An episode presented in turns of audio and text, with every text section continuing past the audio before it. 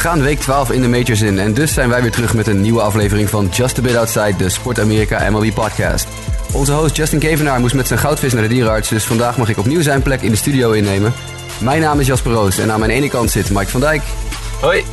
En aan de andere kant zit Lionel Stuten. Hoi. En met z'n drieën duiken we de afgelopen week in Major League Baseball in. Without further ado, let's go!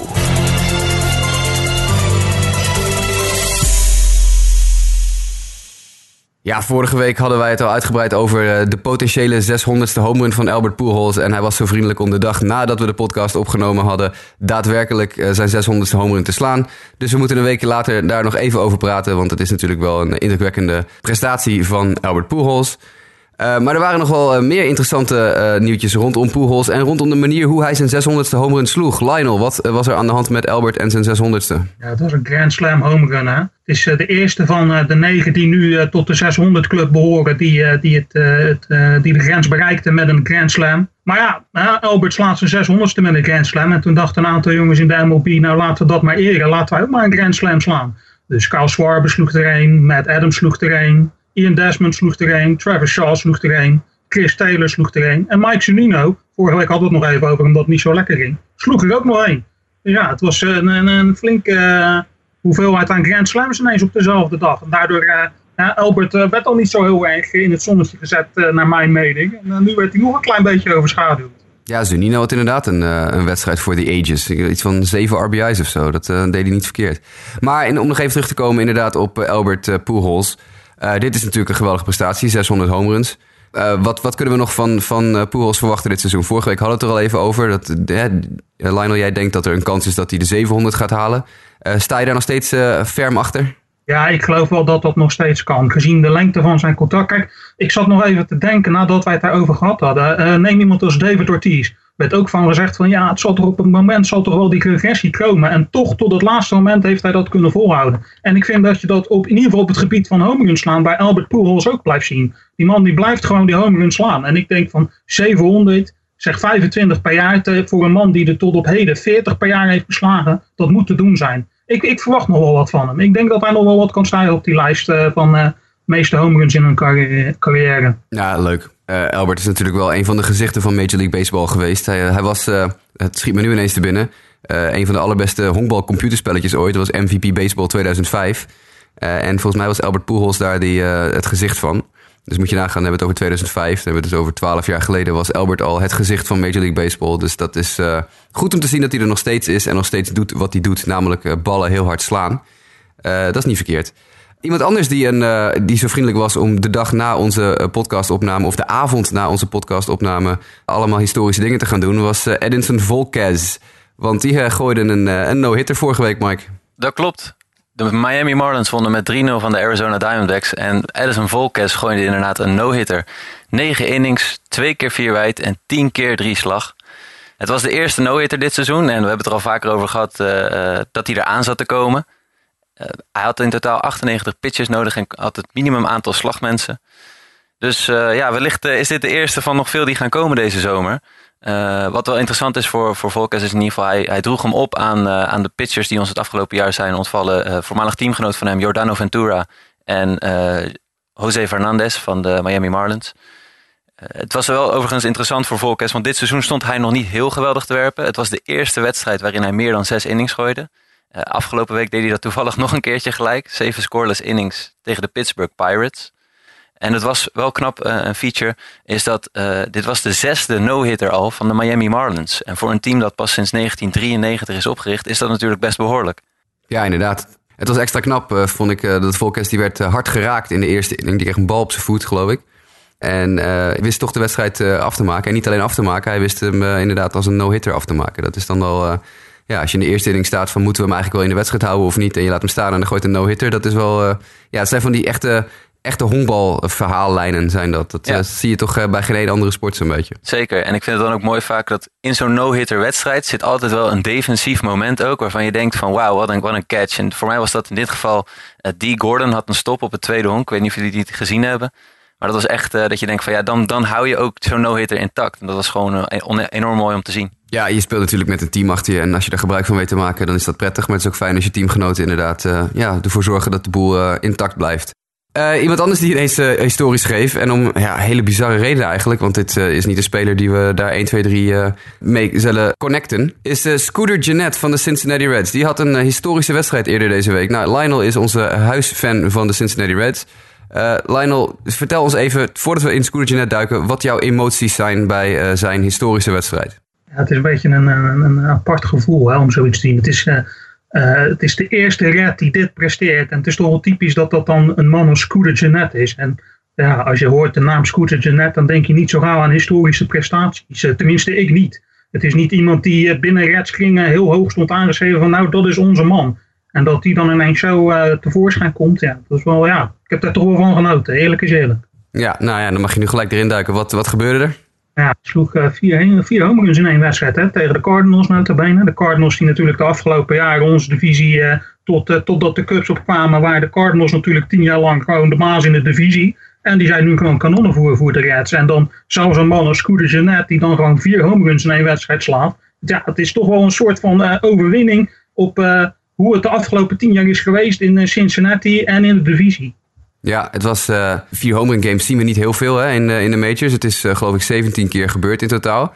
Maar ja, Scooter Jeanette. Ik bedoel, hij zou eigenlijk niet eens starten, hè, die wedstrijd. Het was de bedoeling dat Scott Shabler weer terug zou komen van zijn rehab assignment. Maar door een rain delay in AAA moest Scott Shabler nog één dagje langer in AAA blijven. Hij moest op het allerlaatste moment Scooter Jeanette invallen. En dan val je in en dan sla je even vier home runs in een wedstrijd. Ja, dat klopt. En oh, Scott Shabler is juist iemand die dit jaar heel veel schouderklopjes krijgt binnen de Reds-organisaties. Iemand die het gewoon best wel goed doet.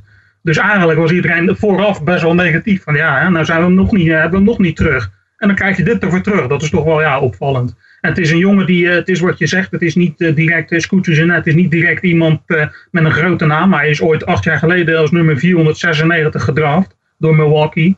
Dus dat zegt ook al iets over hoeveel vertrouwen men door de jaren heen in hem heeft gehad.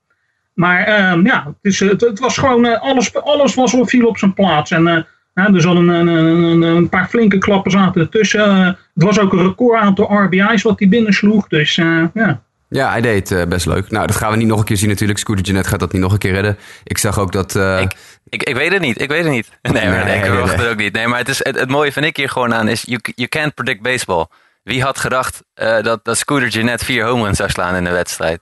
Dus uh, ik, ja, ik vind het wel echt super mooi en uniek dat je dan uh, dat je dat ook zo'n naam als Scooter Jeanette op zich vind ik dat wel mooi uh, dat die dan echt in de, in de historieboeken terechtkomt. Ja. ja, die man notabene tot op heden had hij drie home runs geslagen dit seizoen. Hè? Dus gewoon in één wedstrijd deed hij meer dan verdubbeling daarvan. Ja, ja, het waren wel een paar uh, cheapies. Hè? Dat is al een beetje een, uh, een, beetje een home run stadion, dat stadion van de Reds. En ik geloof dat drie van de vier echt uh, nou, een halve meter over het hek heen gingen. Dus het waren echt, echt cheapies. Maar het zijn er vier, dus dat is, doet hij goed. Ik wil een vraag aan Lionel. Lionel, zijn, zijn record aantal home runs in de Major League is 14. Hij staat nu op 7. Gaat dit gebeuren? Gaat hij daar overheen? Ja, wie zal het zeggen? Als hij hij er uh, nog uh, zeven slaat wel. Maar ja, dat is vrij logisch lijkt me. nee, ik, uh, ik zie het, ja, ik weet het niet. Ik durf het echt niet te zeggen. Dit is wel natuurlijk iets wat echt heel erg eruit springt. Maar ja, hoe, hoe moet je dit nou plaatsen? Het is gewoon, alles viel gewoon even een keertje goed. Het is, ja, het is gewoon niet, niet, niet te verklaren. Het is niet dat hij nu ineens een superster is of zo. Tenminste niet in nee. Nee, zeker niet. Nee. Maar goed, leuk voor hem. Heeft hij weer een verhaal wat hij aan zijn kleinkinderen kan vertellen later. Dat is, dat is denk ik het enige wat we uit kunnen halen. Want uh, Scooter Jeanette is nou geen, uh, geen all-star ineens, toch? Zeker niet. Maar dat is ook het mooie eraan, toch? Het precies wat je zegt. Dat je dan zo'n verhaal van, weet je nog die keer met Scooter Jeanette? Dat is toch... Ja, precies. Ja. Nou, leuk voor hem. Uh, ook leuk voor Edwin Jackson, want die is weer terug in de majors. Dat is, we hebben, voor de uitzending hadden we het erover. We hebben alle drie een soort van connectie met de werper Edwin Jackson. Namelijk, uh, hij heeft voor de Diamondbacks gespeeld, hij heeft voor de White Sox gespeeld en uh, heeft nooit voor de Cincinnati Reds gespeeld, maar voor alle andere uh, NL Central teams zo'n beetje. Dus we hebben alle drie een soort van connectie met Edwin Jackson. Hij is weer terug in de majors en daar, ja, dat betekent dat het voor het twaalfde verschillende team is. En het record, Mike, staat op 13 geloof ik hè? Ja, op het naam van Octavio Dotel. Dat, uh, ik, ik heb niet alle 13 teams van hem paraat. Maar ik vind het inderdaad wel, uh, wel knap dat je uh, toch een bepaald soort kwaliteit weet te hebben. Dat je dus iedere keer wel teruggevraagd wordt door verschillende teams. Nou weet ik dat hij niet overal heel geweldig is geweest. ook bij de Diamondbacks heeft hij zeker zijn ups en zijn downs gehad. En dat lijkt hij nu eigenlijk ook weer te hebben voor het team waarvoor hij nu voor speelt. Want hij heeft deze week twee keer geworpen. Eén keer, voor Pitts, of één keer tegen Pittsburgh en één keer tegen, tegen de New York Yankees. en ja, tot nu toe staat het, gaat het nog niet heel voortvarend. over de Pittsburgh-wedstrijd kan jij volgens mij meer vertellen? Nee, ik heb geen idee. Ik heb niet gekeken. Okay. Ik, ik heb het gewoon niet gezien. Oké, nou, hij had in ieder geval in, in, in 2.2 innings kreeg hij vier hits tegen, twee runs tegen. En tegen de Yankees gooide hij in 0.2 innings, kreeg hij ook twee hits tegen en gooide hij één keer vier wijd. Uh, dus uh, laten we zeggen, hij is terug. En, en, de verwachting is zelfs dat hij binnenkort, als de Orioles wat problemen zullen krijgen met de rotation, dat hij dan ook nog wel eens een, een spotstart of een plekje in de rotatie kan krijgen. Dus dat is even afwachten voor hem. Ja, Edwin Jackson. Ik weet niet zo goed wat ik van hem moet vinden. Hij heeft inderdaad een paar jaar voor de White Sox gegooid. Deed dat um, nou ja, met wisselend succes. Is natuurlijk de eigenaar van de, de no-hitter met de meeste pitches, hè, geloof ik. Ik geloof dat hij een no-hitter van 140 pitches heeft gegooid toen hij nog voor Tampa Bay speelde. Uh, en voor de Diamondbacks volgens mij tegen, tegen, tegen de, Tampa Bay. De Tampa Bay ja, dat was hem. Ja, dat was hem. Nou ja, ik weet niet zo goed wat ik daar, uh, wat ik daar nog van moet vinden. Edwin Jackson, uh, ja, hij is terug in de majors. Nou, vooruit maar. ja, ja, Lionel zit te lachen, maar ja, ik bedoel... Nee, dat ben ik met je eens. Weet je wat, wat mij altijd een beetje opvalt aan Edwin Jackson? Hij heeft één of twee pitches waar hij altijd mee teruggaat. Er zit heel weinig variatie in. En dat dan zo'n man kan twaalf teams op zijn, op zijn naam kan krijgen, dat hij toch iedere keer weer teruggevraagd wordt. Dat vind ik best wel opvallend eigenlijk. Ja, en ook heel veel verdiend heeft. Hè? Hij kreeg echt al hele, hele dure contracten vrij vroeg in zijn carrière, terwijl hij niet echt eh, iets had gepresteerd. En iedereen bleef maar terugvallen ook op die no-hitter. Ja, het was helemaal niet zo'n indrukwekkende no-hitter. Ik geloof dat hij ook nog acht keer vier wijd gooide in die wedstrijd of zo. Dus dat is helemaal niet, uh, niet zo interessant. Uh, ja, het is heel opvallend. Uh, zo zie je maar weer dat pitching in de majors, uh, daar wordt, daar is, mensen zijn bereid om daar flink voor te betalen als je, als je innings kan opeten. En dat kan Edwin Jackson als geen ander, want hij is bijna nooit geblesseerd. Dus hij, hij is heel duurzaam. En toch, ja, inderdaad, iedereen blijft hem maar weer terughalen. Dat is, ja, dat is wel opvallend. Jackson is weer terug. Iemand anders, en dit is een heel interessant, en hier gaan we iets langer bij stilstaan. Een andere speler die weg is bij het team waar het seizoen begon en weer opgedoken is bij een ander team, is Sam Dyson. Aan het begin van het seizoen zou Sam Dyson zo ongeveer werd over gesproken van nou ja, dat wordt de nieuwe Andrew Miller of de nieuwe supercloser, want die was vorig jaar zo verschrikkelijk goed. En nu, we hebben hem al een paar keer genoemd in de podcast, omdat hij behoorlijke tikjes kreeg en op de DL stond hier en daar. Hij is nu weg bij de Rangers. De Rangers hebben gewoon gezegd, nou, wil hem gewoon niet meer. En is nu naar de San Francisco Giants. Lionel, praat ons even bij over de rise and fall van Sam Dyson. Ja, Sam Dyson. Um, vorig jaar Sam Dyson bij Texas, geweldig hè. Uh, 60% van zijn wedstrijden die die, uh, waar hij in het veld kwam, sloten ze winnend af. Hij had 38 saves op zijn naam, een IRA van 2,43. Sam Dyson was gewoon echt een grote man. En uh, dat zagen ze bij Texas ook. Hij ging in het voorjaar, of in, ja, in het voorjaar met Team USA mee naar de World Baseball Classic. Scoorde daar zes perfecte innings. Niks aan het handje. In Texas werd al gezegd van dit is onze man. Wij gaan van hem onze Andrew Miller maken. Hè? Onze supercloser in een nieuwe rol die we wat, wat, wat groot, wat breder kunnen gebruiken. En wat gebeurt is, Sam Dyson raakt in paniek. Hij heeft het zelf ook toegegeven. Hij zegt, jongens, ik, uh, ging ik wilde mijn pitching veranderen. Ik ging me afvragen of ik wel de juiste man voor de taak was. En Sam Dyson heeft gewoon in de eerste maanden gewoon een dramatisch uh, seizoen doorgemaakt. Een IRA van 10,80, uh, 0 saves. Wedstrijden gewoon bijna overal waar hij in het veld kwam verloren. zes, van de, zes van de zeven. Ja, dit, dit ging natuurlijk niet goed. Dus wat hebben de Rangers gedaan? Ze hebben hem vrijgelaten. En hij duikt nou op in San Francisco bij de Giants. En die, die, die willen hem nu zijn vertrouwen terug gaan redden. En die geloven erin dat er nog steeds wel gewoon een goede, goede closer in Sam Dyson schuilt. Ja, ik weet het niet, niet meer hoor. Vorig jaar kwam hij een beetje uit het niet. Uh, zijn, peripheral stats waren ook wel dat je denkt van... Mwah, heeft wel een beetje veel geluk hè? en hij, heeft wel, hij, hij steunt wel heel erg op zijn, op zijn, zijn veld achter hem. Wel veel strikeouts ook, dat is over het algemeen een goed teken. Maar begin van dit seizoen waren zijn, uh, ja, zijn swing en miss stats waren echt gewoon heel erg omlaag. Uh, de, spelers swingden niet meer op zijn, zijn, zijn pitches. Ja, en als spelers niet swingen, dan moet je wel alles gewoon strike gooien. Wil je strikeouts gooien. Dus ja, als die stat keldert, dan, dan heeft hij ineens niet zo heel veel meer. Dus ik weet niet zo goed wat, uh, wat de Giants van plan zijn. Of het echt een, uh, echt een mentale kwestie is. Ik, ik, ik vraag me dat toch echt af hoor. Ja, nou ja, dat vraag ik me ook af. Maar het is in ieder geval wel wat hij zelf denkt. Hij zegt van mijn sinker, dat was mijn wapen. En die ben ik een beetje kwijtgeraakt. Ik ging naar andere pitches zoeken. En dat is het probleem. Hij zegt, en als ik daaraan kan werken en dat terug kan krijgen, dan kan ik nog steeds doen wat ik vorig jaar bij Texas ook kon doen. Nou, we gaan het zien. Ik, ik, ik ben hier heel erg benieuwd naar. Want ik had ook vooraf het idee van, nou, als die, die, Andrew Miller rol waar ze in Texas over spraken, ik had daar wel vertrouwen in. Ik denk van, nou, dit is wel een pitcher die, die inderdaad dit zou kunnen brengen. Gewoon wat langer dat je hem kan gebruiken, hè, met een specifieke opdracht van, zo gaan we het doen. En ik, denk, ik dacht echt dat zeker ook als je keek naar hoe hij in de World Baseball Classic presteerde, van, dit is iemand die dat zou kunnen. En het is gewoon helemaal niks op dit moment. Nee. Toch opvallend dat dat dan zo snel af kan breken. Ja, inderdaad. Nou ja, zo zie je maar. Het kan, het kan heel snel gaan in, het, uh, in de wereld van de Major Leagues. Ik hou hem ook in de gaten, want ik vind Sam Dyson ook een, uh, een interessant. Ik heb mazzel gehad, want ik wilde aan het begin van het seizoen... toen we in fantasy aan het draften waren... wilde ik eigenlijk heel sneaky in allemaal leagues Sam Dyson gaan draften. En ik heb hem overal gemist. En dat is achteraf maar goed geweest ook. We hadden het net even over Edwin Jackson, die, uh, een veteraan die terug is in de majors. Maar Mike, hoor ik nou serieus dat Jake Peavy terug wil komen in de majors? Ja, wellicht is het nog even iets te vroeg om dat uh, daadwerkelijk te zeggen. Maar hij heeft aangegeven in een interview met de Boston Globe, met Alex Spire, dat hij nog steeds wel interesse heeft en de intentie heeft om op een bepaald moment weer professioneel honkbal te gaan spelen. Dus hij denkt wel over na om inderdaad ergens dit seizoen terug te gaan keren. Hij heeft eind vorig seizoen er bewust voor gekozen om, om in ieder geval even te stoppen. hij, gaat door, hij, heeft, is gescheiden en wil de tijd doorbrengen met zijn vier zoons thuis. Heeft ook in die zin een moeilijke tijd achter de rug. Maar hij heeft aangegeven dat hij nog steeds eigenlijk wel de aspiratie heeft om, om, om terug te keren. En dat zijn voorkeur, tot nu toe wekte hij de indruk dat de National League teams wat meer interesse zouden hebben. Maar dat hij vooral eigenlijk wil kijken naar een team dat nog ja, wil spelen in de postseason en dat hij daar iets in kan bijdragen. Maar ik weet ook totaal niet hoe het met de fysieke gesteldheid van Jake Peavy op dit moment is. Hij is 36. Uh, en ik weet ook niet of hij in de afgelopen maanden nog uh, uh, ja, geoefend heeft en, en bullpen sessions heeft gegooid. Want anders ja, moet je daar ook weer tijd in investeren voordat je weer echt in vorm bent.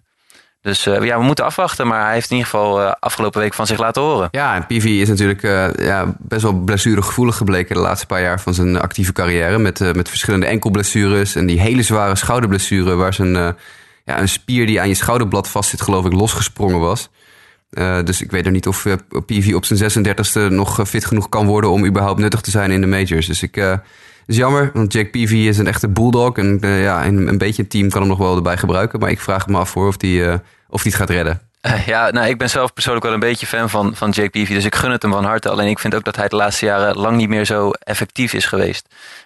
Dus ja, dan moet je ook afvragen, is dit inderdaad een versterking? En ik denk dat hij een beetje valt in de categorie van eerder Doug Fister en nu ook Edwin Jackson. Er is altijd wel vraag naar pitching. En er wordt altijd gezocht naar pitching. Dus als Peavy kan aantonen dat hij uh, nog iets van het oude niveau in zich heeft, dan zal er ongetwijfeld een team zijn dat vroeg of laat denkt van we gaan het uh, de gok wagen en uh, we, we halen hem erbij. Ja. En wat voor soort teams denk jij dan, Mike? Gewoon concreet een, een naam. Het hoeft niet per se een naam te zijn die, die genoemd wordt, want er worden volgens mij nog niet zoveel namen genoemd. Maar als je gewoon iets zo op zou gooien, wat zou jij dan denken dat een team is waar hij goed zou passen op dit moment? Nou, ik denk zelf had hij het bijvoorbeeld over uh, Boston of iets dergelijks. Nou, ik denk dat dat gewoon eigenlijk geen fit is. Ik denk dat je dan toch eerder moet denken aan een soort Baltimore. Een team dat dus namelijk net even iets aan versterking nodig heeft om een wildcard push te maken. Uh, wellicht op het laatste moment een van de, van de central teams. Pittsburgh bijvoorbeeld. We hebben bijvoorbeeld Tyler Glass. Nou, nou, dat is een experiment wat op dit moment een, 7, een ERA van ver in de 7 oplevert. Ja, dan moet je een keuze maken. Willen we nog op een gegeven moment een playoff push gaan maken? Of gaan we echt voor de toekomst en voor jong talent? Uh, dus ja, ik denk dat er afhankelijk van blessures zal er een, wildcard team denk ik een gokje wagen. Ja, dat zou best een uh, aardig idee zijn, denk ik, ja. Maar nogmaals, ik vraag me af of, uh, of PV überhaupt nog nuttig kan zijn. Want ik denk dat hij gewoon te oud is. En dat hij gewoon lekker met pensioen moet gaan. En moet zeggen, jongens, ik ga lekker met de kids een beetje een balletje gooien in de achtertuin. Dat is denk ik dat iedereen daar gelukkiger van wordt. Gaan we door. Want er was contractnieuws. Er was contractnieuws. ons wel bekend, Gene Segura. Korte stop van de Seattle Mariners. Voormalig Diamondback. Uh, daarom gaan we ook zeker Mike eventjes uh, bevragen over wat hij hiervan vindt. Maar de Seattle Mariners hebben Gene Segura vastgelegd voor 5 jaar en 70 miljoen dollar. Uh, hij krijgt een, een 3 miljoen tekenbonus en verdient vervolgens 9 miljoen in 2018. En alle seizoenen 2019 tot en met 2022 verdient hij maar liefst 14,25 miljoen dollar per jaar. En dan is er nog een cluboptie van 2023 die 17 miljoen waard is met een 1 miljoen buyout mocht het team tegen die tijd van hem af willen. Um, dat is denk ik een, een, een ja, vrij marktgerichte uh, verlenging. Als je kijkt naar wat Segura allemaal doet uh, op het veld. Gewoon speelt erg goed. Is dit jaar ook aanvallend weer heel goed. Speelt verdedigend steeds beter. Dus dit is denk ik wat je betaalt voor een, een, een Major League korte stop. maar Mike, jij kent Gene Segura vast beter dan wij. denk je dat dit een fair contract is? Ja, ik denk het eigenlijk wel. De vraag, ik denk dat er altijd een voor's en tegens zijn. Toen hij doorbrak in de Major League bij Milwaukee was hij ook heel goed offensief. Leed hij dat duidelijk zien. Toen heeft hij uh, buiten het veld een moeilijke periode doorgemaakt. Waardoor ook zeker zijn prestaties op het veld wat uh, ja, te wensen overlieten en gewoon een stuk minder waren. toen hij bij de Diamondbacks kwam, had hij juist een change of scenery. En je zag echt dat hij weer opbloeide. Dan had hij daar ook wel het voordeel van een, een goed ballpark, wat een beetje hitter-friendly is. en vorig jaar is hij, als ik me niet vergis, twaalfde geëindigd in de MVP-voting. Hij heeft echt een heel goed seizoen doorgemaakt. Dus dan is de vraag altijd, ja, kan hij dat uh, nog een keer produceren? En je ziet nu bij Seattle dat hij gewoon eigenlijk die lijn doortrekt. Hij staat, als je kijkt naar OBP in de top 15 en ook bij slaggemiddelde staat hij vrij bovenaan. Dus uh, je ziet gewoon wel dat hij uh, qua offensieve kracht ja, gewoon een, een, waarde is voor iedere line-up. Dus ik denk inderdaad dat dit wel een, een, redelijke, redelijke deal is die goed ook past bij hem. Ja, ik denk dat het team ook verstandig gaan doen om dit soort jonge talenten relatief jonge talenten die ze vast kunnen leggen voor langere termijn. Ja, gewoon een contract aanbieden. Dat, uh, de Mariners hebben jarenlang, uh, ze zijn altijd net te laat geweest. Ze hebben ze of te laat een contractverlenging aangeboden omdat de speler al eigenlijk te oud was voor die verlenging. Of ze waren een seizoen te laat omdat de speler al doorgebroken was en ze enorm veel bij hebben moeten betalen. Nou, dat is in dit geval niet, uh, niet denk ik aan de orde. Ik denk dat, ze een, dat dit een fair contract is. Dat dit, dat dit een prima deal is voor, voor de Mariners en voor Gene Segura. Dus wie weet kan het team nu ja, de boel een beetje op de rails krijgen weer. En mee gaan doen voor eh, de uh, AL West. Hoewel dat met de Astros in de divisie wat moeilijker is, lijkt me. Volgende puntje dat we hebben is, uh, dat hebben we op de outline hebben we dat de firma losse handjes genoemd. Want ineens was daar weer de afgelopen week tot twee maal toe zelfs het nieuws dat uh, honkballers ja, met losse handjes thuis bezig waren geweest. Domestic abuse was weer het sleutelwoord van deze week. Lionel, welke, welke spelers waren deze keer de klos? Ja, we hebben het de laatste tijd helaas vaak over agressie. Hè? Zowel op het veld, of we het nou over Baltimore tegen Boston hebben, of uh, de Nationals tegen de Giants de laatste weken, maar ook naast het veld. Hè? We hebben het dan over uh, Derek Norris van uh, Tampa Bay en over Addison Russell van de Chicago Cubs. Wel los van elkaar, laat dat even voorop staan. Maar dat maakt het natuurlijk niet beter. Derek Norris heeft zijn, zijn verloofde flink toegetakeld, schijnt het. En Addison Russell wordt ervan beschuldigd hetzelfde met zijn vriendin te hebben gedaan. Uh, dit gaat natuurlijk helemaal nergens meer over. Derek Norris, dit is wel een beetje opvallend dat dit een, een verhaal is uit 2015 wat nu op komt borrelen. Die zou uh, zijn vriendin uh, de keel hebben dichtgeknepen. En Addison Russell wordt er een, een, een beetje, ja, het is niet helemaal duidelijk hoe dat precies gelopen is. Maar ja, het is natuurlijk niet positief hè, dat we iedere keer weer met dit soort jongens in het nieuws komen te zitten. jongens die de handen gewoon niet thuis kunnen houden. Dat is niet goed voor de sport, niet goed voor de jongens zelf. ja, wat moet je er nog van zeggen verder? Nee, inderdaad. Ja, Derek Norris uh, was een beetje inderdaad een vreemde kwestie. Want wat je zegt is waar. Het is van een, een, een ja, iets wat gebeurde een paar jaar geleden. Uh, en dat was toen, was het geloof ik zijn verloofde. En later is die verloving is, is verbroken. Uh, en dat schijnt dus nu iets te maken te hebben gehad met het feit dat zij claimt dat hij inderdaad wat, ja, wat, wat los, losse handjes had. Um, hij ontkent uiteraard in alle toonaarden. dus ja, MLB doet onderzoek. En Addison Russell, dat vond ik wel een apart verhaal. Dat is inderdaad afgelopen week uitgelekt. En volgens mij, uh, het is op het Instagram-account van zijn vrouw... heeft een vriendin van zijn vrouw iets gezegd over het feit dat Addison Russell uh, zijn handjes niet thuis kon houden uh, thuis. Dat. Um, dus MLB doet daar ook nog onderzoek naar. Addison Russell is de dag na die beschuldigingen uit de line-up gehouden door de Cubs. dat had niks te maken met een schorsing of zo, zei Chicago. Maar het had te maken met het feit dat hij eventjes uh, ja, zijn kop bij andere zaken moest houden. Uh, het zou eventueel wel verklaren waarom Addison Russell zo'n schandalig slecht seizoen draait. Dat hij uh, blijkbaar ja, off-the-field issues heeft.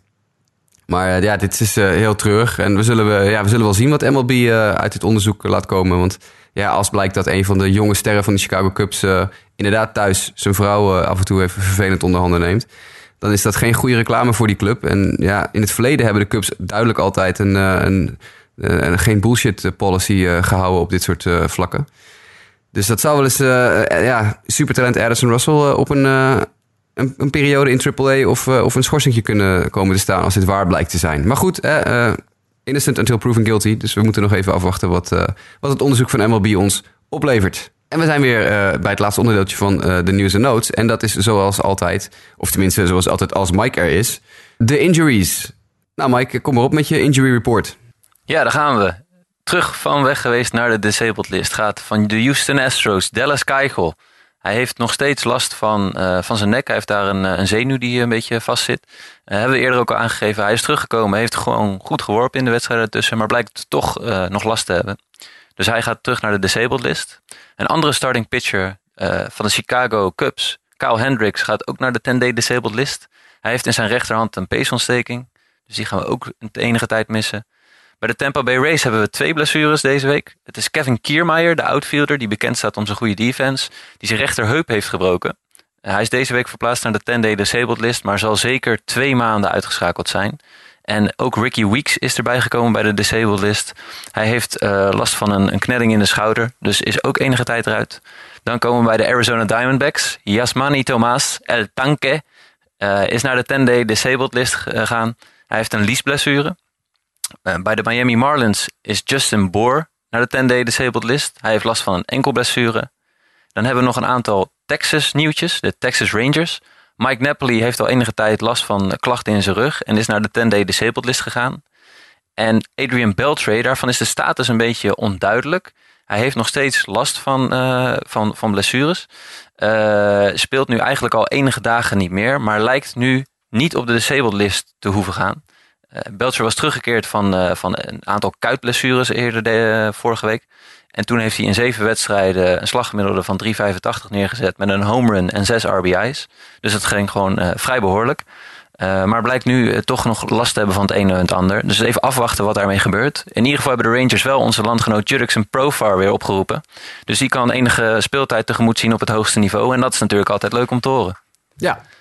Ja, toch? Uh, dan zijn er ook nog wat laatste nieuwtjes. De wedstrijden van afgelopen nacht. We nemen dit op op zaterdag. Dus wat er is afgelopen nacht gebeurd. Is dat uh, Villar van de Milwaukee Brewers. met een prachtige defensieve actie. Uh, het veld heeft moeten verlaten. Want hij is daarbij wel geblesseerd geraakt. voor de kijkers. of die mensen die het nog willen opzoeken. Het is echt een, zeker een mooie defensieve play. Dus zoek hem zeker op. Maar hij, is nog wel, hij gaat misschien wel naar de disabled list. daarnaast is de starting pitcher van de Cincinnati Reds. Van Lionel. Amir Garrett. Die heeft de wedstrijd ook verlaten. Die kreeg een bal teruggeslagen op zijn hand. De x-rays zijn negatief. Het blijkt gaan om een kneuzing van de hand. Maar hij zal in ieder geval enige tijd gaan missen, is de verwachting. En dan hebben we ook wat goede nieuwtjes. Er zijn wat goede nieuwtjes. Jameson Tyone maakt volgende week, begin volgende week zijn comeback. Dat is goed om te zien. Kijk ik zelf ook erg naar uit. Uh, Chicago White Sox, ja. Jasper, wil je het zelf vertellen?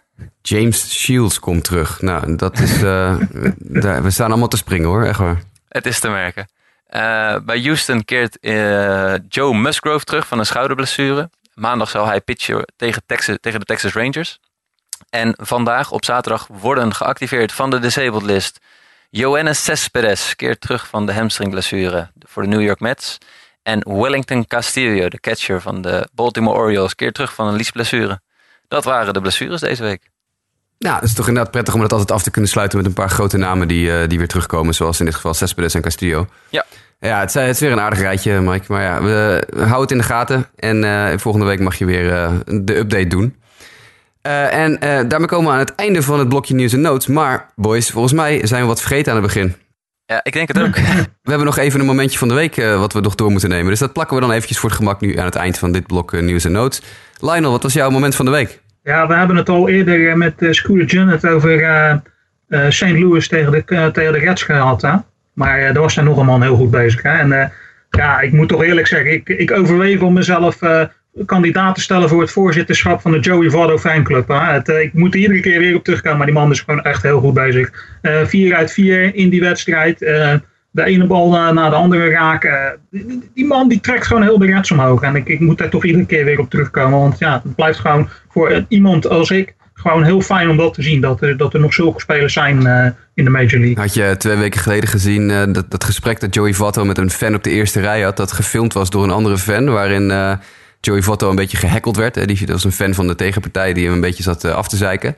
En Joey Votto heeft hem met, met drie of vier hele sympathieke, maar hele snijdende opmerkingen... heeft hij hem volledig op zijn plaats gezet. Dus uh, zelfs in faninteracties uh, leidt Joey Votto wat mij betreft het MLB-consument. Ja, want dat uh, deed hij geweldig. Ik ken dat filmpje. Het is echt een heel mooi filmpje. Het is goed. Het is leuk om daar even naar te kijken hoe hij dat aanpakt. Hoe het ook kan. Want we hadden het net over agressie. Hè? Hier straalde helemaal geen agressie vanuit. De man die, nee, die, die, die, pakt dat gewoon heel goed op. Nou is hij ook wel wat ouder. Hè? Als je vergelijkt Edison Russell is in het begin 20 en Joey Votto is naar de tweede helft van de 30 aan het gaan inmiddels. Dus ja, maar je hebt gelijk, weet je. Het is gewoon een, een fijne jongen gewoon om in je team te hebben. Ja, heel professioneel. Mike, wat was jouw moment van de week? Van Canada's first baseman naar America's first baseman. Paul Goldschmidt. In de wedstrijd tegen de San Diego Padres deze week, de derde inning. Daar gebeurde iets. Uh, de Diamondbacks hebben nog wel een, een, een historie met, een, uh, met vogels. Het is ooit gebeurd dat Randy Johnson in een spring training wedstrijd uh, met een pitch een vogel heeft geraakt. Uh, de vogel heeft het niet overleefd. En dit keer was er weer iets met een vogel, want er werd een stootslag neergelegd door de San Diego Padres. En Paul Goldschmidt liep er naartoe om te fielden. En toen lag er in één keer een vogel op het veld waar de bal ongeveer terecht kwam. Je verzint het niet. Dus hij moest, laat maar zeggen, de bal fielden door over de vogel heen te grijpen en, en de play te maken. En ja, dat, dat lukte hem. Maar het is zo bizar dat, dat daar in één keer een vogel ligt. Uh, dus dat was wel een komisch moment. Uh, we zijn altijd diervriendelijk hier uh, in deze episode. We hebben katten gehad, nu vogels. Ja, nou ja, ja. What's next, zeg maar. Ja, inderdaad. Ja, en dan een ander momentje is persoonlijk een highlight. Chase Anderson is op dit moment heel goed aan het werpen voor de Milwaukee Brewers. Hij heeft uh, 21,2 innings scoreless achter elkaar gegooid met uh, 22 strikeouts. Ik heb hem zijn debuut zien maken namens de Diamondbacks tegen de White Sox in 2014. Dus ja, ik vind het, vind het leuk om, om hem dan succes te zien hebben. Dus morgen mag je dat nog een keer gaan bewijzen tegen de Diamondbacks. Ja. Eens kijken hoe dat af gaat lopen. Ja, leuk. Dat zijn altijd, altijd leuke dingetjes die persoonlijke connecties die je kan hebben met een, met een speler. Ja. Mijn moment van de week is, ja, heeft eigenlijk niet zoveel met honkbal te maken, maar het speelde zich wel af in een honkbalstadion. Dat gebeurde tijdens de wedstrijd van de Atlanta Braves tegen de New York Mets in het stadion van de Braves. Die hebben namelijk een, ja, een spelletje af en toe tussen de innings door. Dat een fan mag een warning track race doen tegen The Freeze. En The Freeze is een, nou ja, we weten niet wie The Freeze is, maar dat is een jongen in een, in een, een hardlooppakkie met een, met een skibril op. Dus we weten ook niet wie erachter zit. Uh, wat er dan gebeurt, een fan mag op de warning track van linksveld naar rechtsveld uh, sprinten. Die krijgt een voorsprong van ongeveer 200 feet. En dan gaat de, de freeze gaat los vanaf dezelfde plek. En als je de freeze voor kan blijven tot aan de finishlijn in het rechtsveld, dan win je. En wat er gisteren gebeurde, vrijdagavond gebeurde, is dat uh, ja, deze Braves-fan, die behoorlijk hard kon rennen, dat kan je absoluut niet ontkennen. Uh, die ja, de freeze voor leek te blijven en een beetje begon te pimpen al. Dus vlak voordat hij bij de finishlijn kwam, begon hij al met zijn handen in de lucht te slaan en te gooien naar de fans van kijk eens wat ik aan het doen ben en ik ga het winnen. En dan zie je in het filmpje ineens over zijn linkerschouder komt de freeze nog even voorbij vliegen, werkelijk waar, met de finishlijn in zicht. En het gezicht van deze fan die je op dat moment ziet van oh shit, daar komt iemand over mijn schouder heen. Is prachtig. En de, de faceplant die hij vervolgens doet is helemaal hilarisch. Want de fan gaat volledig op zijn snavel. Uh, in het uh, gravel van het outfield. Dus dat is echt, ja, was, was ja, gewoon hilarisch. We lieten het voor de uitzending eventjes aan Lionel zien. Die kwam ook niet meer bij van het lachen. Dus het is absoluut de moeite waard om het even op te zoeken. het is wat je zegt, hè, het gezicht van die man, dat wordt redelijk close-up in beeld genomen. Op het moment dat hij zijn arm al in de lucht steekt, zie je een grote big smile erop. En ineens ziet hij die vries voorbij komen en je ziet zo zijn gezicht droppen. Hè. Zo van, oh, wat gebeurt er nou? Ja, en vervolgens en, gaat daarna hij valt hij zelf ook nog om. Hij is het helemaal kwijt. Ja, precies. Ik heb er zo hard om gelachen toen jullie het me lieten zien. Echt mooi, heel mooi. Het, uh, het staat op de Cut4 website van MLB.com als mensen het op willen zoeken. Maar het, ja, het zat al all over Twitter vanochtend uh, ook. Dus uh, wat dat betreft is het vast wel te vinden. Maar zoek het even op. The Freeze in het Atlanta Braves Stadion was echt prachtig. Mooi, nou dan hebben we dat ook even gehad. Dat waren we eens even vergeten. Dat komt mooi uit. Nu gaan we naar het volgende blokje. En daarin gaan we alles tegelijk doen. We gaan draft previewen nog even. En we gaan mailbaggen. En dan houden we het alweer voor gezien, jongens. Het is alweer bijna klaar. Maar eerst blokje 2.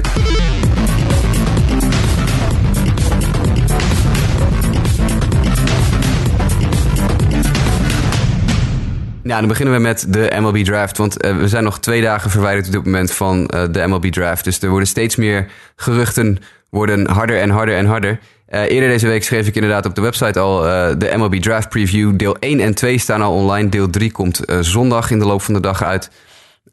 dat zijn dan de laatste 10 picks van de eerste ronde. Maar er is alweer heel veel veranderd. En laat, moet ik eerst even kort bij stilstaan. Want ik voorspelde heel vrolijk dat in uh, wat mij betreft uh, het vermoeden bestond dat Kyle Wright van Vanderbilt uh, als eerste overall naar de Minnesota Twins zou gaan. En dat begint toch ja, serieus andere kanten op te gaan nu. Want het laatste nieuws is dat de Minnesota Twins Brandon McKay gaan kiezen als eerste overall. En dat zou dan betekenen dat ze hem als een linkshandige werper en niet als een slagman. Want McKay is een van die twee two-way players die we in de eerste ronde hebben. Uh, dat zou McKay als een werper naar de Minnesota Twins gaan. Ik zou dat heel verrassend vinden hoor, als de Twins uh, McKay zouden kiezen. Baseball America geeft nog wel aan dat hij nog steeds het vermoeden heeft. Uh, dat is um, John Manuel. Daar heeft nog steeds het vermoeden dat de Twins toch voor Kyle Wright gaan. Maar ja, het gaat echt tussen Wright en McKay. het, wordt, het wordt heel erg spannend. Dat betekent wel dat de Reds automatisch waarschijnlijk Hunter Green in de schoot geworpen krijgen. En ja, dat was ook mijn voorspelling. Een andere stijger in de eerste 10 picks is Mackenzie Gore. Ik noemde hem vorige week wel even als een van mijn persoonlijke favorieten in de eerste ronde. Linkshandige high school werper. Die ik nog naar de Diamondbacks voorspelde. Want zoals Mike me ook vertelde eerder, en dat klopt, zijn de Diamondbacks vooral geïnteresseerd in pitching. Maar Mackenzie Gore die gaat toch ja, naar alle waarschijnlijkheid richting de San Diego Padres. Ondanks dat ik hem nog op plek 7 had vorige week, lijkt hij nu al als derde te gaan. Voor de rest in de eerste ronde, ja, dat blijft een beetje koffiedik kijken. Uh, de Diamondbacks schijnen nu uh, heel erg achter Adam Hazley aan te zitten. Nou, ik zei al tegen de, Mike voor de uitzending dat ik toch hoop dat ze dat niet doen voor hem. Want hij kan best wel aardig slaan, maar is een heel erg matige defensieve centerfielder. En in dat gigantische outfield dat ze in Arizona hebben denk ik dat hij een klein beetje eh, zou verzuipen. Maar hij kan best wel aardig slaan. Dus dat is, als je daarvoor gaat, dan is het ook wel leuk. Uh, opvallende naam die ineens bij de top 10 uh, spelers tevoorschijn komt, is Austin Beck. Want de Athletics schijnen Austin Beck te willen hebben. ik denk nog steeds dat, dat de A's voor een pitcher zullen gaan. Waarschijnlijk JB Bukauskas. Dat gaat niet zo heel goed met Bukauskas seizoen. Dus misschien dat de Athletics toch voor Austin Beck gaan. De rest van de top 10, ja, volgens MLB.com en Baseballmerken ontvouwt zich redelijk zoals ik ook gedacht had. Maar toen kwamen we bij het uh, tweede deeltje. Toen heb ik nog eventjes op de website een stukje geschreven over bijvoorbeeld Jaron Kendall van de Chicago White Sox. Uh, althans, de potentiële selectie van de Chicago White Sox. Kendall is een voormalig uh, potentieel nummer 1 overall selectie. Die nu wat gezakt is vanwege wat strikeout problemen. Maar als de White Sox hem op 11 kunnen krijgen, denk ik dat we daar allemaal wel tevreden mee kunnen zijn. Verder opvallend is het, uh, trio teams dat 12, 13 en 14 selecteert. Dat zijn uh, de Pittsburgh Pirates op 12, de Miami Marlins op 13 en de Kansas City Royals op 14. Want die zitten alle drie vermoedelijk achter dezelfde drie pitchers aan. En dat betekent dat ja, wie als eerst komt, het eerst maalt. Dat zou betekenen dat de Pittsburgh Pirates de eerste keuze hebben. Het gaat dan om werper DL Hall. Hele uh, ja, dubieuze naam voor een werper, DL. DL Hall is een high school lefty. Het gaat dan ook om Trevor Rogers, een andere high school lefty en om Shane Baz, een high school righty. En ik denk dat ze in die volgorde gaan. Ik denk dat de Pittsburgh Pirates DL Hall nemen. Die heeft gewoon een gigantische uh, plafond. Die kan, uh, ja, de sky is the limit voor hem. De Marlins zullen dan voor Trevor Rogers gaan en de Kansas City Royals voor Shane Baz. Maar het is heel opvallend om te zien dat die drie werpers altijd aan die drie teams gelinkt worden. Dus dat betekent dat mochten de Marlins wel DL Hall willen hebben, maar hij gaat inderdaad naar de Pirates, dan pakken ze hun tweede optie en dat is dan Trevor Rogers. Uh, dus dat is een opvallende ontwikkeling. Uh, andere naam die wel interessant is om even bij te staan is de keuze van de New York Yankees op plek 16. Die worden aan alle kanten gelinkt aan Nick Prato. Nick Prato is een, uh, een eerste honkman, een high school eerste honkman, die een beetje uh, doet denken aan Blake Rutherford, die de Yankees vorig jaar in de eerste ronde selecteerde qua swing. Rutherford en Prato, dat, dat ziet er allemaal heel vergelijkbaar uit. Prato staat iets rechterop, maar voor de rest ja, past dat misschien wel in het plaatje bij de New York Yankees. Griffin Canning had ik op plek 17 voorspeld naar de Mariners. Maar het verhaal is nu, sinds een paar uur staat dat op internet, dat Griffin Canning uh, behoorlijke armproblemen schijnt te hebben. Dat hij niet door zijn medische keuringen heen komt. Dus dat zou betekenen dat Griffin Canning een behoorlijk eindje gaat zakken. En dan heb ik geen idee wie de Mariners dan kiezen. Dat zou dan bijvoorbeeld David Peterson kunnen worden als hij nog beschikbaar is. Werper van de University of Oregon. Dat is natuurlijk vlakbij Seattle, dus die hebben ze al een paar keer kunnen zien. Dat lijkt me dan wel een aardige keus. Verder, een van de uh, namen die uh, ook weer heel vaak aan een team gekoppeld wordt, is Logan Warmoth. Die schijnt naar de San Francisco Giants te gaan op plek 19. Warmoth is een korte stop van de University of North Carolina. En dat is wel een typische San Francisco Giants pick. Want die houden heel erg van uh, niet zulke flashy spelers kiezen. Wel uit hele goede uh, conferences. Nou, uh, Warmouth speelt voor de Tar Heels. De Tar Heels spelen in de SEC. En de SEC is ja, met de ACC samen de sterkste college conference die er is. En ik denk dat dat wel een, keuze is die heel erg bij de Giants past. Dus dat is mijn gok ook. En in de loop van zondag, en dan kan ik wel even sneak previewen alvast, komen er nog wat, wat nieuwtjes voor keuzes 21 tot en met 30 op de site. En dan uh, is vooral opvallend dat de LA Dodgers aan alle kanten aan Bubba Thompson worden gekoppeld. Uit Alabama. Dat is heerlijk. En als je een honkballer bent die Bubba heet, dat je er ook nog uit Alabama komt. Dat, uh, ja, veel redneck hier krijg je het denk ik niet. Maar ja, inderdaad. Nou ja, Bubba Thompson is wel een, echt een heel atletische speler hoor. Dus het zou ja, absoluut een goede keuze van de LA Dodgers zijn. Maar die worden aan alle kanten aan aan elkaar gekoppeld. Griffin Canning stond daar ook op het lijstje, want Canning gooit voor UCLA. En dat is natuurlijk voor LA eh, makkelijk draften en scouten. Maar nogmaals, uh, Canning heeft dus uh, wat blessureproblemen. Dus dat zou nog wel eens een keer een probleem kunnen worden. de Boston Red Sox die zitten volgens mij achter pitching aan. Maar worden nu ook steeds vaker gekoppeld aan infielders Keston Hura en Nick Allen. Nou, Caston Hura heeft een, die gaat mogelijk naar Tommy John surgery toe. Dus dat is niet helemaal duidelijk hoe dat met zijn gezondheid zit. Is ook een speler die defensief helemaal niet zo goed is, maar geweldig kan slaan. Dus dat is dan wel interessant. Maar ik denk dat de Boston Red Sox voor Alex Lang gaan. Alex Lang is die, de ace van LSU, Louisiana State University. echt een strikeout-werper, geweldige strikeout-werper. En daar hebben de Boston Red Sox uh, ja, altijd wel oren naar. En die moeten natuurlijk ook het gat opvullen in een minor league systeem dat uh, Uber strikeout prospect Michael Kopech heeft achtergelaten toen hij uh, aan de White Sox werd verkocht in ruil voor Chris Sale. Alex Lang zou dat prima op kunnen vullen. En dan is er nog heel, één heel interessante naam. Dat is Seth Romero. We hebben hem een paar weken geleden in de podcast al genoemd. Seth Romero van de voormalige University of Houston. Die daar weggestuurd is na meerdere vechtpartijen met teamgenoten en andere wangedragingen. Die dus geen team heeft, ook al twee maanden niet gegooid heeft. Maar die toch wel dusdanig getalenteerd is dat bijvoorbeeld een team als de Washington Nationals wel eens een keer een gokje zou kunnen wagen en uh, Romero aan zouden kunnen trekken. Dat is wel een naam even in de gaten te houden. Seth Romero is echt een, uh, het is een waardeloos figuur. Hij gedraagt zich echt, uh, echt heel slecht. Maar dat weerhoudt teams toch over het algemeen niet om getalenteerde jongens binnen te halen. En dan heb je nog de Chicago Cubs. Die zullen we even noemen, want daar zit ook wel een grote fanbase van in Nederland. die zitten vermoedelijk achter Nick Allen aan. Een korte stop uit San Diego high school korte stop. Natuurlijk hebben de Blue Jays, de Rangers en de Cubs hebben extra selecties in de eerste ronde. Die zitten op uh, plek 28, 29 en 30. De Blue Jays hebben een compensatieselectie gekregen vanwege het feit dat ze Edwin Encarnacion kwijt zijn geraakt aan de Indians. De Texas Rangers hebben een extra keuze gekregen. Dat is de keuze van de Rockies vanwege Ian Desmond. En de Cubs hebben een extra keuze gekregen. Dat is de keuze van de Cardinals uh, voor Dexter Fowler. Dat betekent dus dat de Indians, Rockies en Cardinals geen selectie hebben in de eerste ronde van de draft dit jaar. En dan hebben we denk ik in een vogelvlucht de belangrijkste uh, teams wel even doorgenomen. De belangrijkste opvallendste spelers en uh, stijgers en dalers. Uh, mocht je nou zoiets hebben van ik, ik wil even zien wat mijn team... Hè, stel je voor je bent een Baltimore Orioles fan en je wil weten wat daar gebeurt op plek 21... Of je bent een New York Mets fan en je wilt weten of de, de Mets weer een pitcher gaan kiezen. Ja, ik denk het wel. Ga dan even naar de site en bekijk even de artikelen. Het zijn in drie delen gaan we door de eerste ronde van de draft heen. En we zullen zien in hoeverre we het juist hebben en in hoeverre we ernaast zitten. Zeker met alle nieuwtjes die de laatste paar uur uitkomen over de, de veranderingen in de bovenste 5, 6 picks, kan het nog wel eens een, een heel erg interessante draft worden in mijn optiek. Zo, dan ben ik alweer even uitgepraat. Ja, Mike, zeg het eens. Ik heb even inderdaad een vraag aan je. Uh, hoe ga ik, maandag is de draft. Uh, als ik het goed heb, begint die geloof ik om 1 uur s'nachts. Hoe leef jij nou, dan heb je ook nog de tweede dag en de derde dag. Hoe beleef jij nou die dagen? Uh, nou, meestal... Uh, waar ga je op letten? Ja, ik, ga je live kijken? Ik probeer de eerste paar picks uh, probeer ik live mee te pakken altijd. Want dat vind ik heel interessant.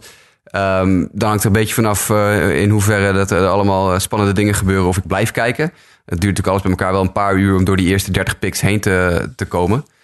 maar ja, meestal de eerste 15 of zo, die pak ik live mee. En dan kan ik alvast een beetje gaan bedenken... oké, okay, wat gaat er nu met de volgende 15 gebeuren... Uh, en, en, in de dagen daarna. Want je ziet ook vaak teams die dan bijvoorbeeld een bepaald budget hebben voor een speler. En ja, hoe hoger je een speler selecteert, hoe hoger het, uh, de bonus mag zijn die je aan hem geeft. Maar die willen dan bijvoorbeeld wat geld besparen. Dus die kiezen dan een keer heel verrassend een speler die wat minder hoge bonuseisen heeft. Om later in de draft meer geld te kunnen besteden aan een speler die ze graag willen hebben. Maar die bijvoorbeeld uh, ja, weggekocht moet worden bij een college. Omdat hij al een, een overeenkomst heeft met een, een college. je zag vorig jaar Atlanta Braves kozen Ian Anderson heel hoog. Echt, echt bizar hoog. Niemand had hem zo hoog op de, op de mock draft lijstje staan. Maar dat hebben ze gedaan omdat ze wisten dat Ian Anderson een wat, uh, wat lagere bonus-eis had. Dus toen konden ze later in de draft konden de Braves weer wat meer geld gooien naar spelers die ze heel graag wilden hebben. Uh, en dat zijn de ontwikkelingen waar je op dag 2 en 3 heel erg op let. He, uh, waar, waar, worden het geld, waar wordt het geld uitgegeven? Waar wordt bezuinigd? en waar wordt overslot, zoals dat heet? Waar wordt meer gegeven dan eigenlijk nodig? En dat is hoe ik vooral dag 2 en 3 doormaak dat volg ik allemaal niet, niet heel live meer. Dat, ik wel een beetje op Twitter. Maar dan ben ik toch vooral bezig met... oké, nou wie, wie, wie selecteren de White Sox en, en, en, en hoe, uh, ja, hoe ontvouwt zich dat? Maar de eerste dag en dan vooral inderdaad de nacht... Uh, daar wil ik wel even live meekijken. Ja, dat eh, vind ik altijd wel, wel geinig om te zien. En om een beetje te gaan, ja, te gaan brainstormen van wat, wat gaat er nu gebeuren verder.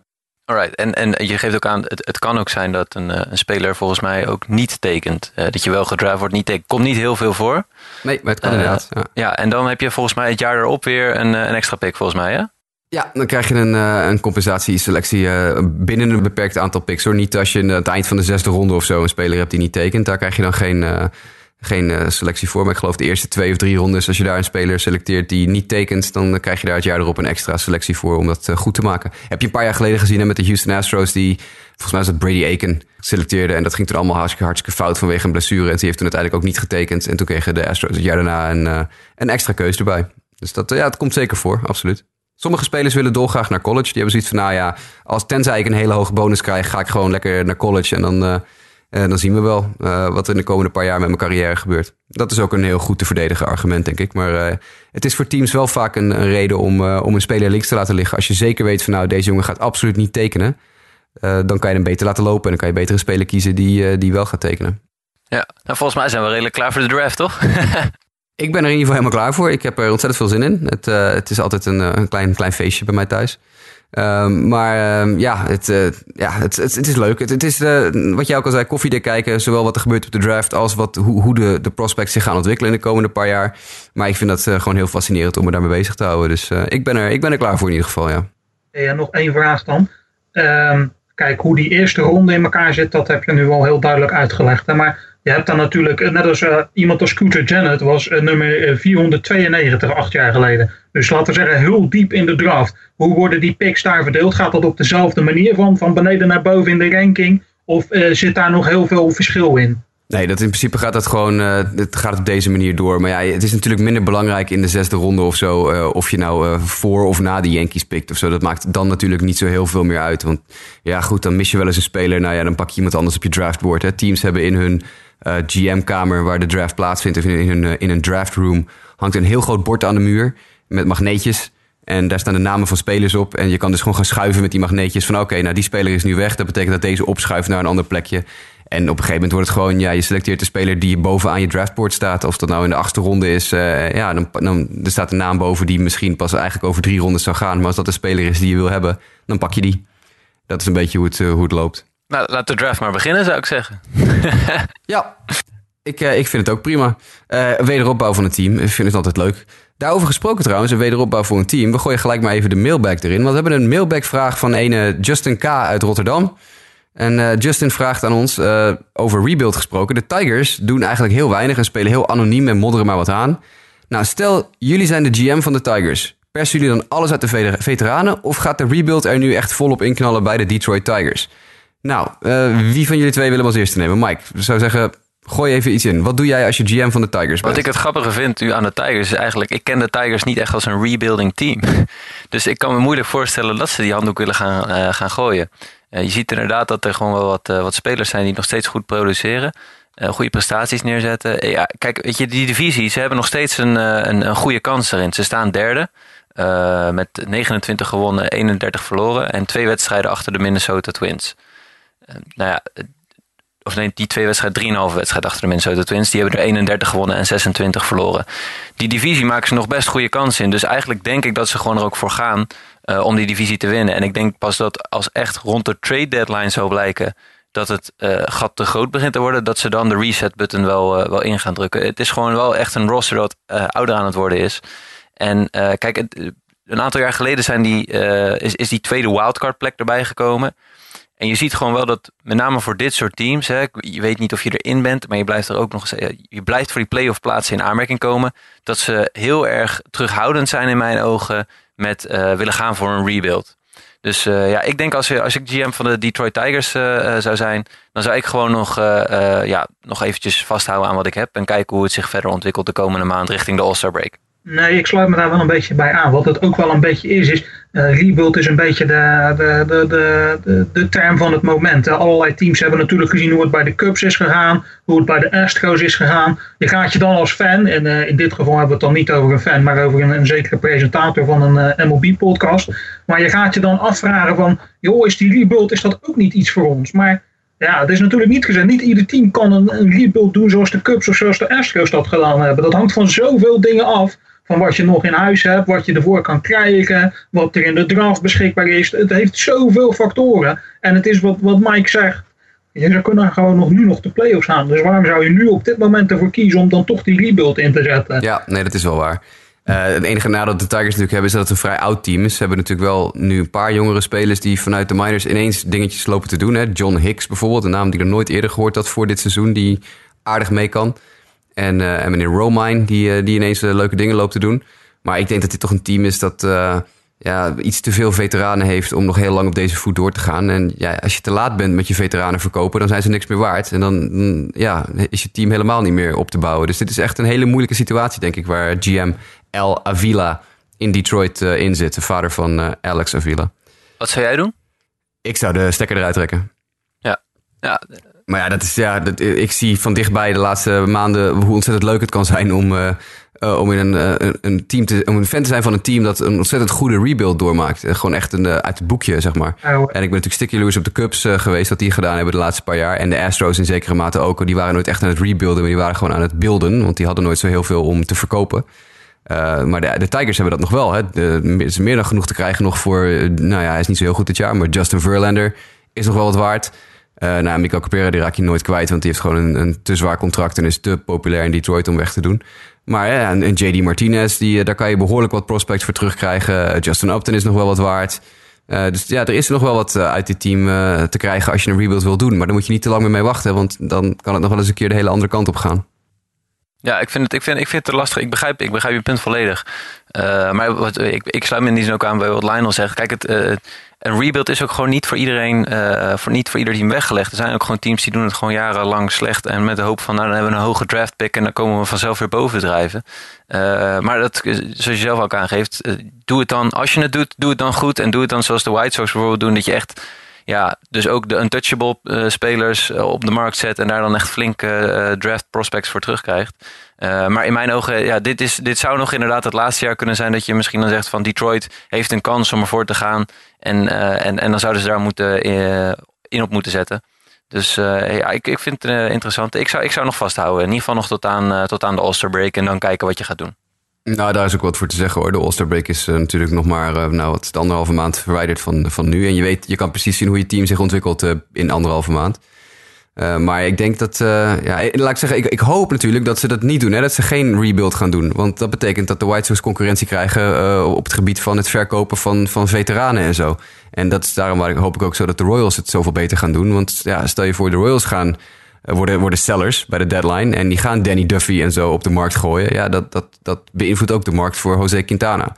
Dus eh, voor mij, het liefste heb ik dat de Royals en de Tigers gewoon echt vet goed gaan spelen. En dat team lekker bij elkaar houden. Zodat wij de enige zijn zo meteen die, uh, die spelers op de markt gooien. Maar ja, je moet natuurlijk wel realistisch zijn. De kans bestaat dat teams als de Tigers en de Royals de boel in de uitverkoop gooien over een maand, maand of anderhalf. Ja. Alright, we hebben nog één dingetje. Eigenlijk ja, anderhalf. Want Mike, uh, je wilde eventjes de, de, de honkbalweek pushen. Want dat is ook, ook wel iets wat we regelmatig noemen. Hè? Team USA is een, een vaste gast geweest altijd uh, op de honkbalweek. We hebben heel veel Cubaanse spelers die nu in de major spelen... hebben we op de Haarlems honkbalweek kunnen bewonderen. Nou, zoals we misschien allemaal weten... heeft de honkbalweek een aantal maanden geleden aangegeven... dat het, de organisatie failliet is... En er dus geen honkbalweek meer zou komen. Nou, de gemeente Haarlem heeft ingegrepen en gezegd... daar willen wij best wel wat aan doen. Die hebben een behoorlijk bedrag beschikbaar gesteld om uh, de honkbalweek eh, voor de komende paar edities weer min of meer bij te staan. Niet echt veilig te stellen, maar bij te staan. Maar er worden nu ook allerlei andere acties uh, uitgevoerd voor de honkbalweek. En Mike, wat uh, kan je daar even kort nog wat over zeggen? Ja, er is een, een crowdfund actie, actie gestart. waarbij je een virtuele honkbal kan kopen. En daarmee eigenlijk een donatie doet aan de honkbalweek Haarlem. om zo in ieder geval de edities 2018, 2020 en 2022 te kunnen organiseren.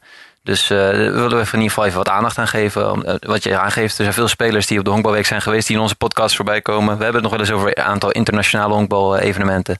Dus uh, bij deze ook de honkbalweek Haarlem in de spotlight. Ja, in, in mijn optiek zonder het World Port Tournament voor het hoofd te stoten... is het het, het mooiste honkbaltoernooi van Europa. Dus ja, absoluut. laten we hopen dat de honkbalweek voldoende geld bij elkaar kan verzamelen... om uh, om ja, in ieder geval die, die, die, drie edities weer veilig te stellen. En, en dank aan de gemeente Haarlem uiteraard voor het, uh, ja, het, het, inspringen en zeggen van ho, ho dit, uh, dit moet niet verloren gaan. Dat is wel, wel belangrijk, denk ik. Het is, ook goed dat de fans hier nu ook wat aan kan doen. Kijk, laten we wel wezen. je denkt er misschien niet bij na.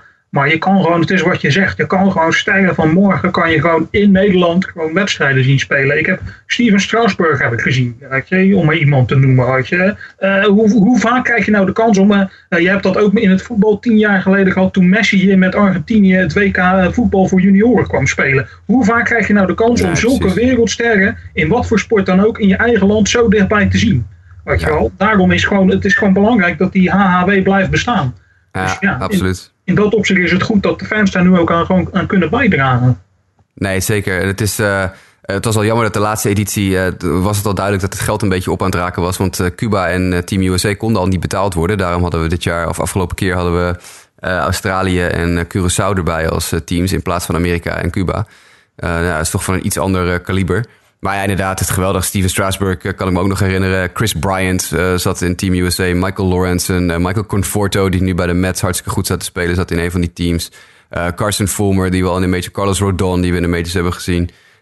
De Team USA, dat was, Dat was echt Ja, was- ja, is mijn favoriete team altijd om naar te kijken. Want ja, dat- zeker als je wat in de collegewereld en in de prospectwereld zit zoals ik, dan was het echt, ja, likkebaardend heb ik af en toe naar die, die betting practices staan kijken. Dat was genieten. Dus laten we hopen dat de Honkbalweek eh, in ieder geval eh, weer de boel op de rails krijgt. En dan kunnen we weer een paar jaar genieten van eh, inderdaad de sterren van morgen. Rest ons nog één dingetje. Heren, wat gaan we de komende week bekijken? Ik ga me aan het eind van de week eens concentreren op Giants tegen Rockies. Eh, Rockies natuurlijk, ik vind Rockies het verrassende team tot op heden nog steeds. Ja, van alle teams waarvan je zou zeggen van wie gaat er nou iets doen, had niemand de Rockies genoemd. Vind ik heel knap. En Giants vind ik in ne- negatieve zin eigenlijk het verrassende team tot nu toe. Hè? Die doen het gewoon een stuk minder dan dat je eigenlijk van de Giants mag verwachten. En die komen elkaar nu tegen en we gaan eens even zien wat dat gaat worden. Ja, dat lijkt me ook wel interessant. Mike? Ik ga voor volgend weekend de Red Sox tegen de Houston Astros. De Red Sox hebben de series tegen de Yankees verloren. Eh, twee keer was de pitching van de Yankees veruit dominanter. eh, of in ieder geval had Boston er heel weinig tegen in te brengen. Eh, en ja, als je playoff aspiraties hebt en het, eh, het wil gaan halen wat Boston heeft, eh, dan moet je ook tegen de andere playoff teams eh, kunnen winnen. Dus ik ben benieuwd hoe ze het gaan doen tegen de Houston Astros. Ja, dat is inderdaad wel een matchupje waar wel leuke dingen in kunnen gebeuren, ja. Ik ga denk ik voor de Nationals Mets. Ik heb nog geen idee wie er gaat gooien voor die teams, maar ze hebben op zich wel wat, wat leuke spelers. Eh Johannes Cespedes komt natuurlijk terug voor de Mets, dus die, die worden misschien wat, ja, hebben een beetje een shot in die arm. Waar deze, waardoor ze misschien de Nationals wel eens een keer eh, wat, wat vuur aan de schenen kunnen leggen. En ja, het is ook voor die divisie wel belangrijk dat, eh, dat er weer een beetje spanning terugkomt. Dus wie weet kunnen de Mets de boel eh, weer rechten. En tegen de Nationals even laten zien dat ze toch eigenlijk niet zo slecht zijn als ze dit seizoen hebben laten zien. En dat is ook eigenlijk wel eens een beetje, zijn dat de, enige drie matchups deze week waar ik echt met interesse naar uitkijk hoor. Want voor de rest is het weer niet heel veel. We merken dat de laatste paar weken toch vaker hè. Dat, dat we echt zitten te kijken van poeh, nou wat gaan we kijken de komende week. Het is allemaal een beetje, ja, een beetje meh. Maar goed, dit eh, is in ieder geval nog eh, leuk. Volgens mij eh, hebben we het dan. Ja, denk het ook. Nou, zijn we wat sneller klaar dan vorige week. Maar er was niet zo heel veel nieuws de afgelopen week. En ja, we zijn er lekker snel doorheen geroust. Dus dat is ook wel, ook wel eens een keer prettig. Keurig binnen een uur. Mannen, ontzettend bedankt voor jullie aanwezigheid en, en analyse op de Major League Baseball. Graag gedaan. En ik hoop jullie volgende week uiteraard weer te spreken. Dan is misschien Justin Kevenaar er ook weer bij. Voor de fans die luisteren, voor de mensen die luisteren... misschien wil je wel eventjes zelf een mailbackvraag insturen. Dat kan. Doe dat dan naar justabitpodcast.gmail.com Of zoek ons op op, op Twitter, eh, op Facebook, @sportamerika en facebook.com slash sportamerika. Je weet ons altijd wel te vinden. Stuur wat in, vinden we leuk. Hebben we weer wat over, over te praten. Mannen bedankt. Luisteraars bedankt. Tot volgende week.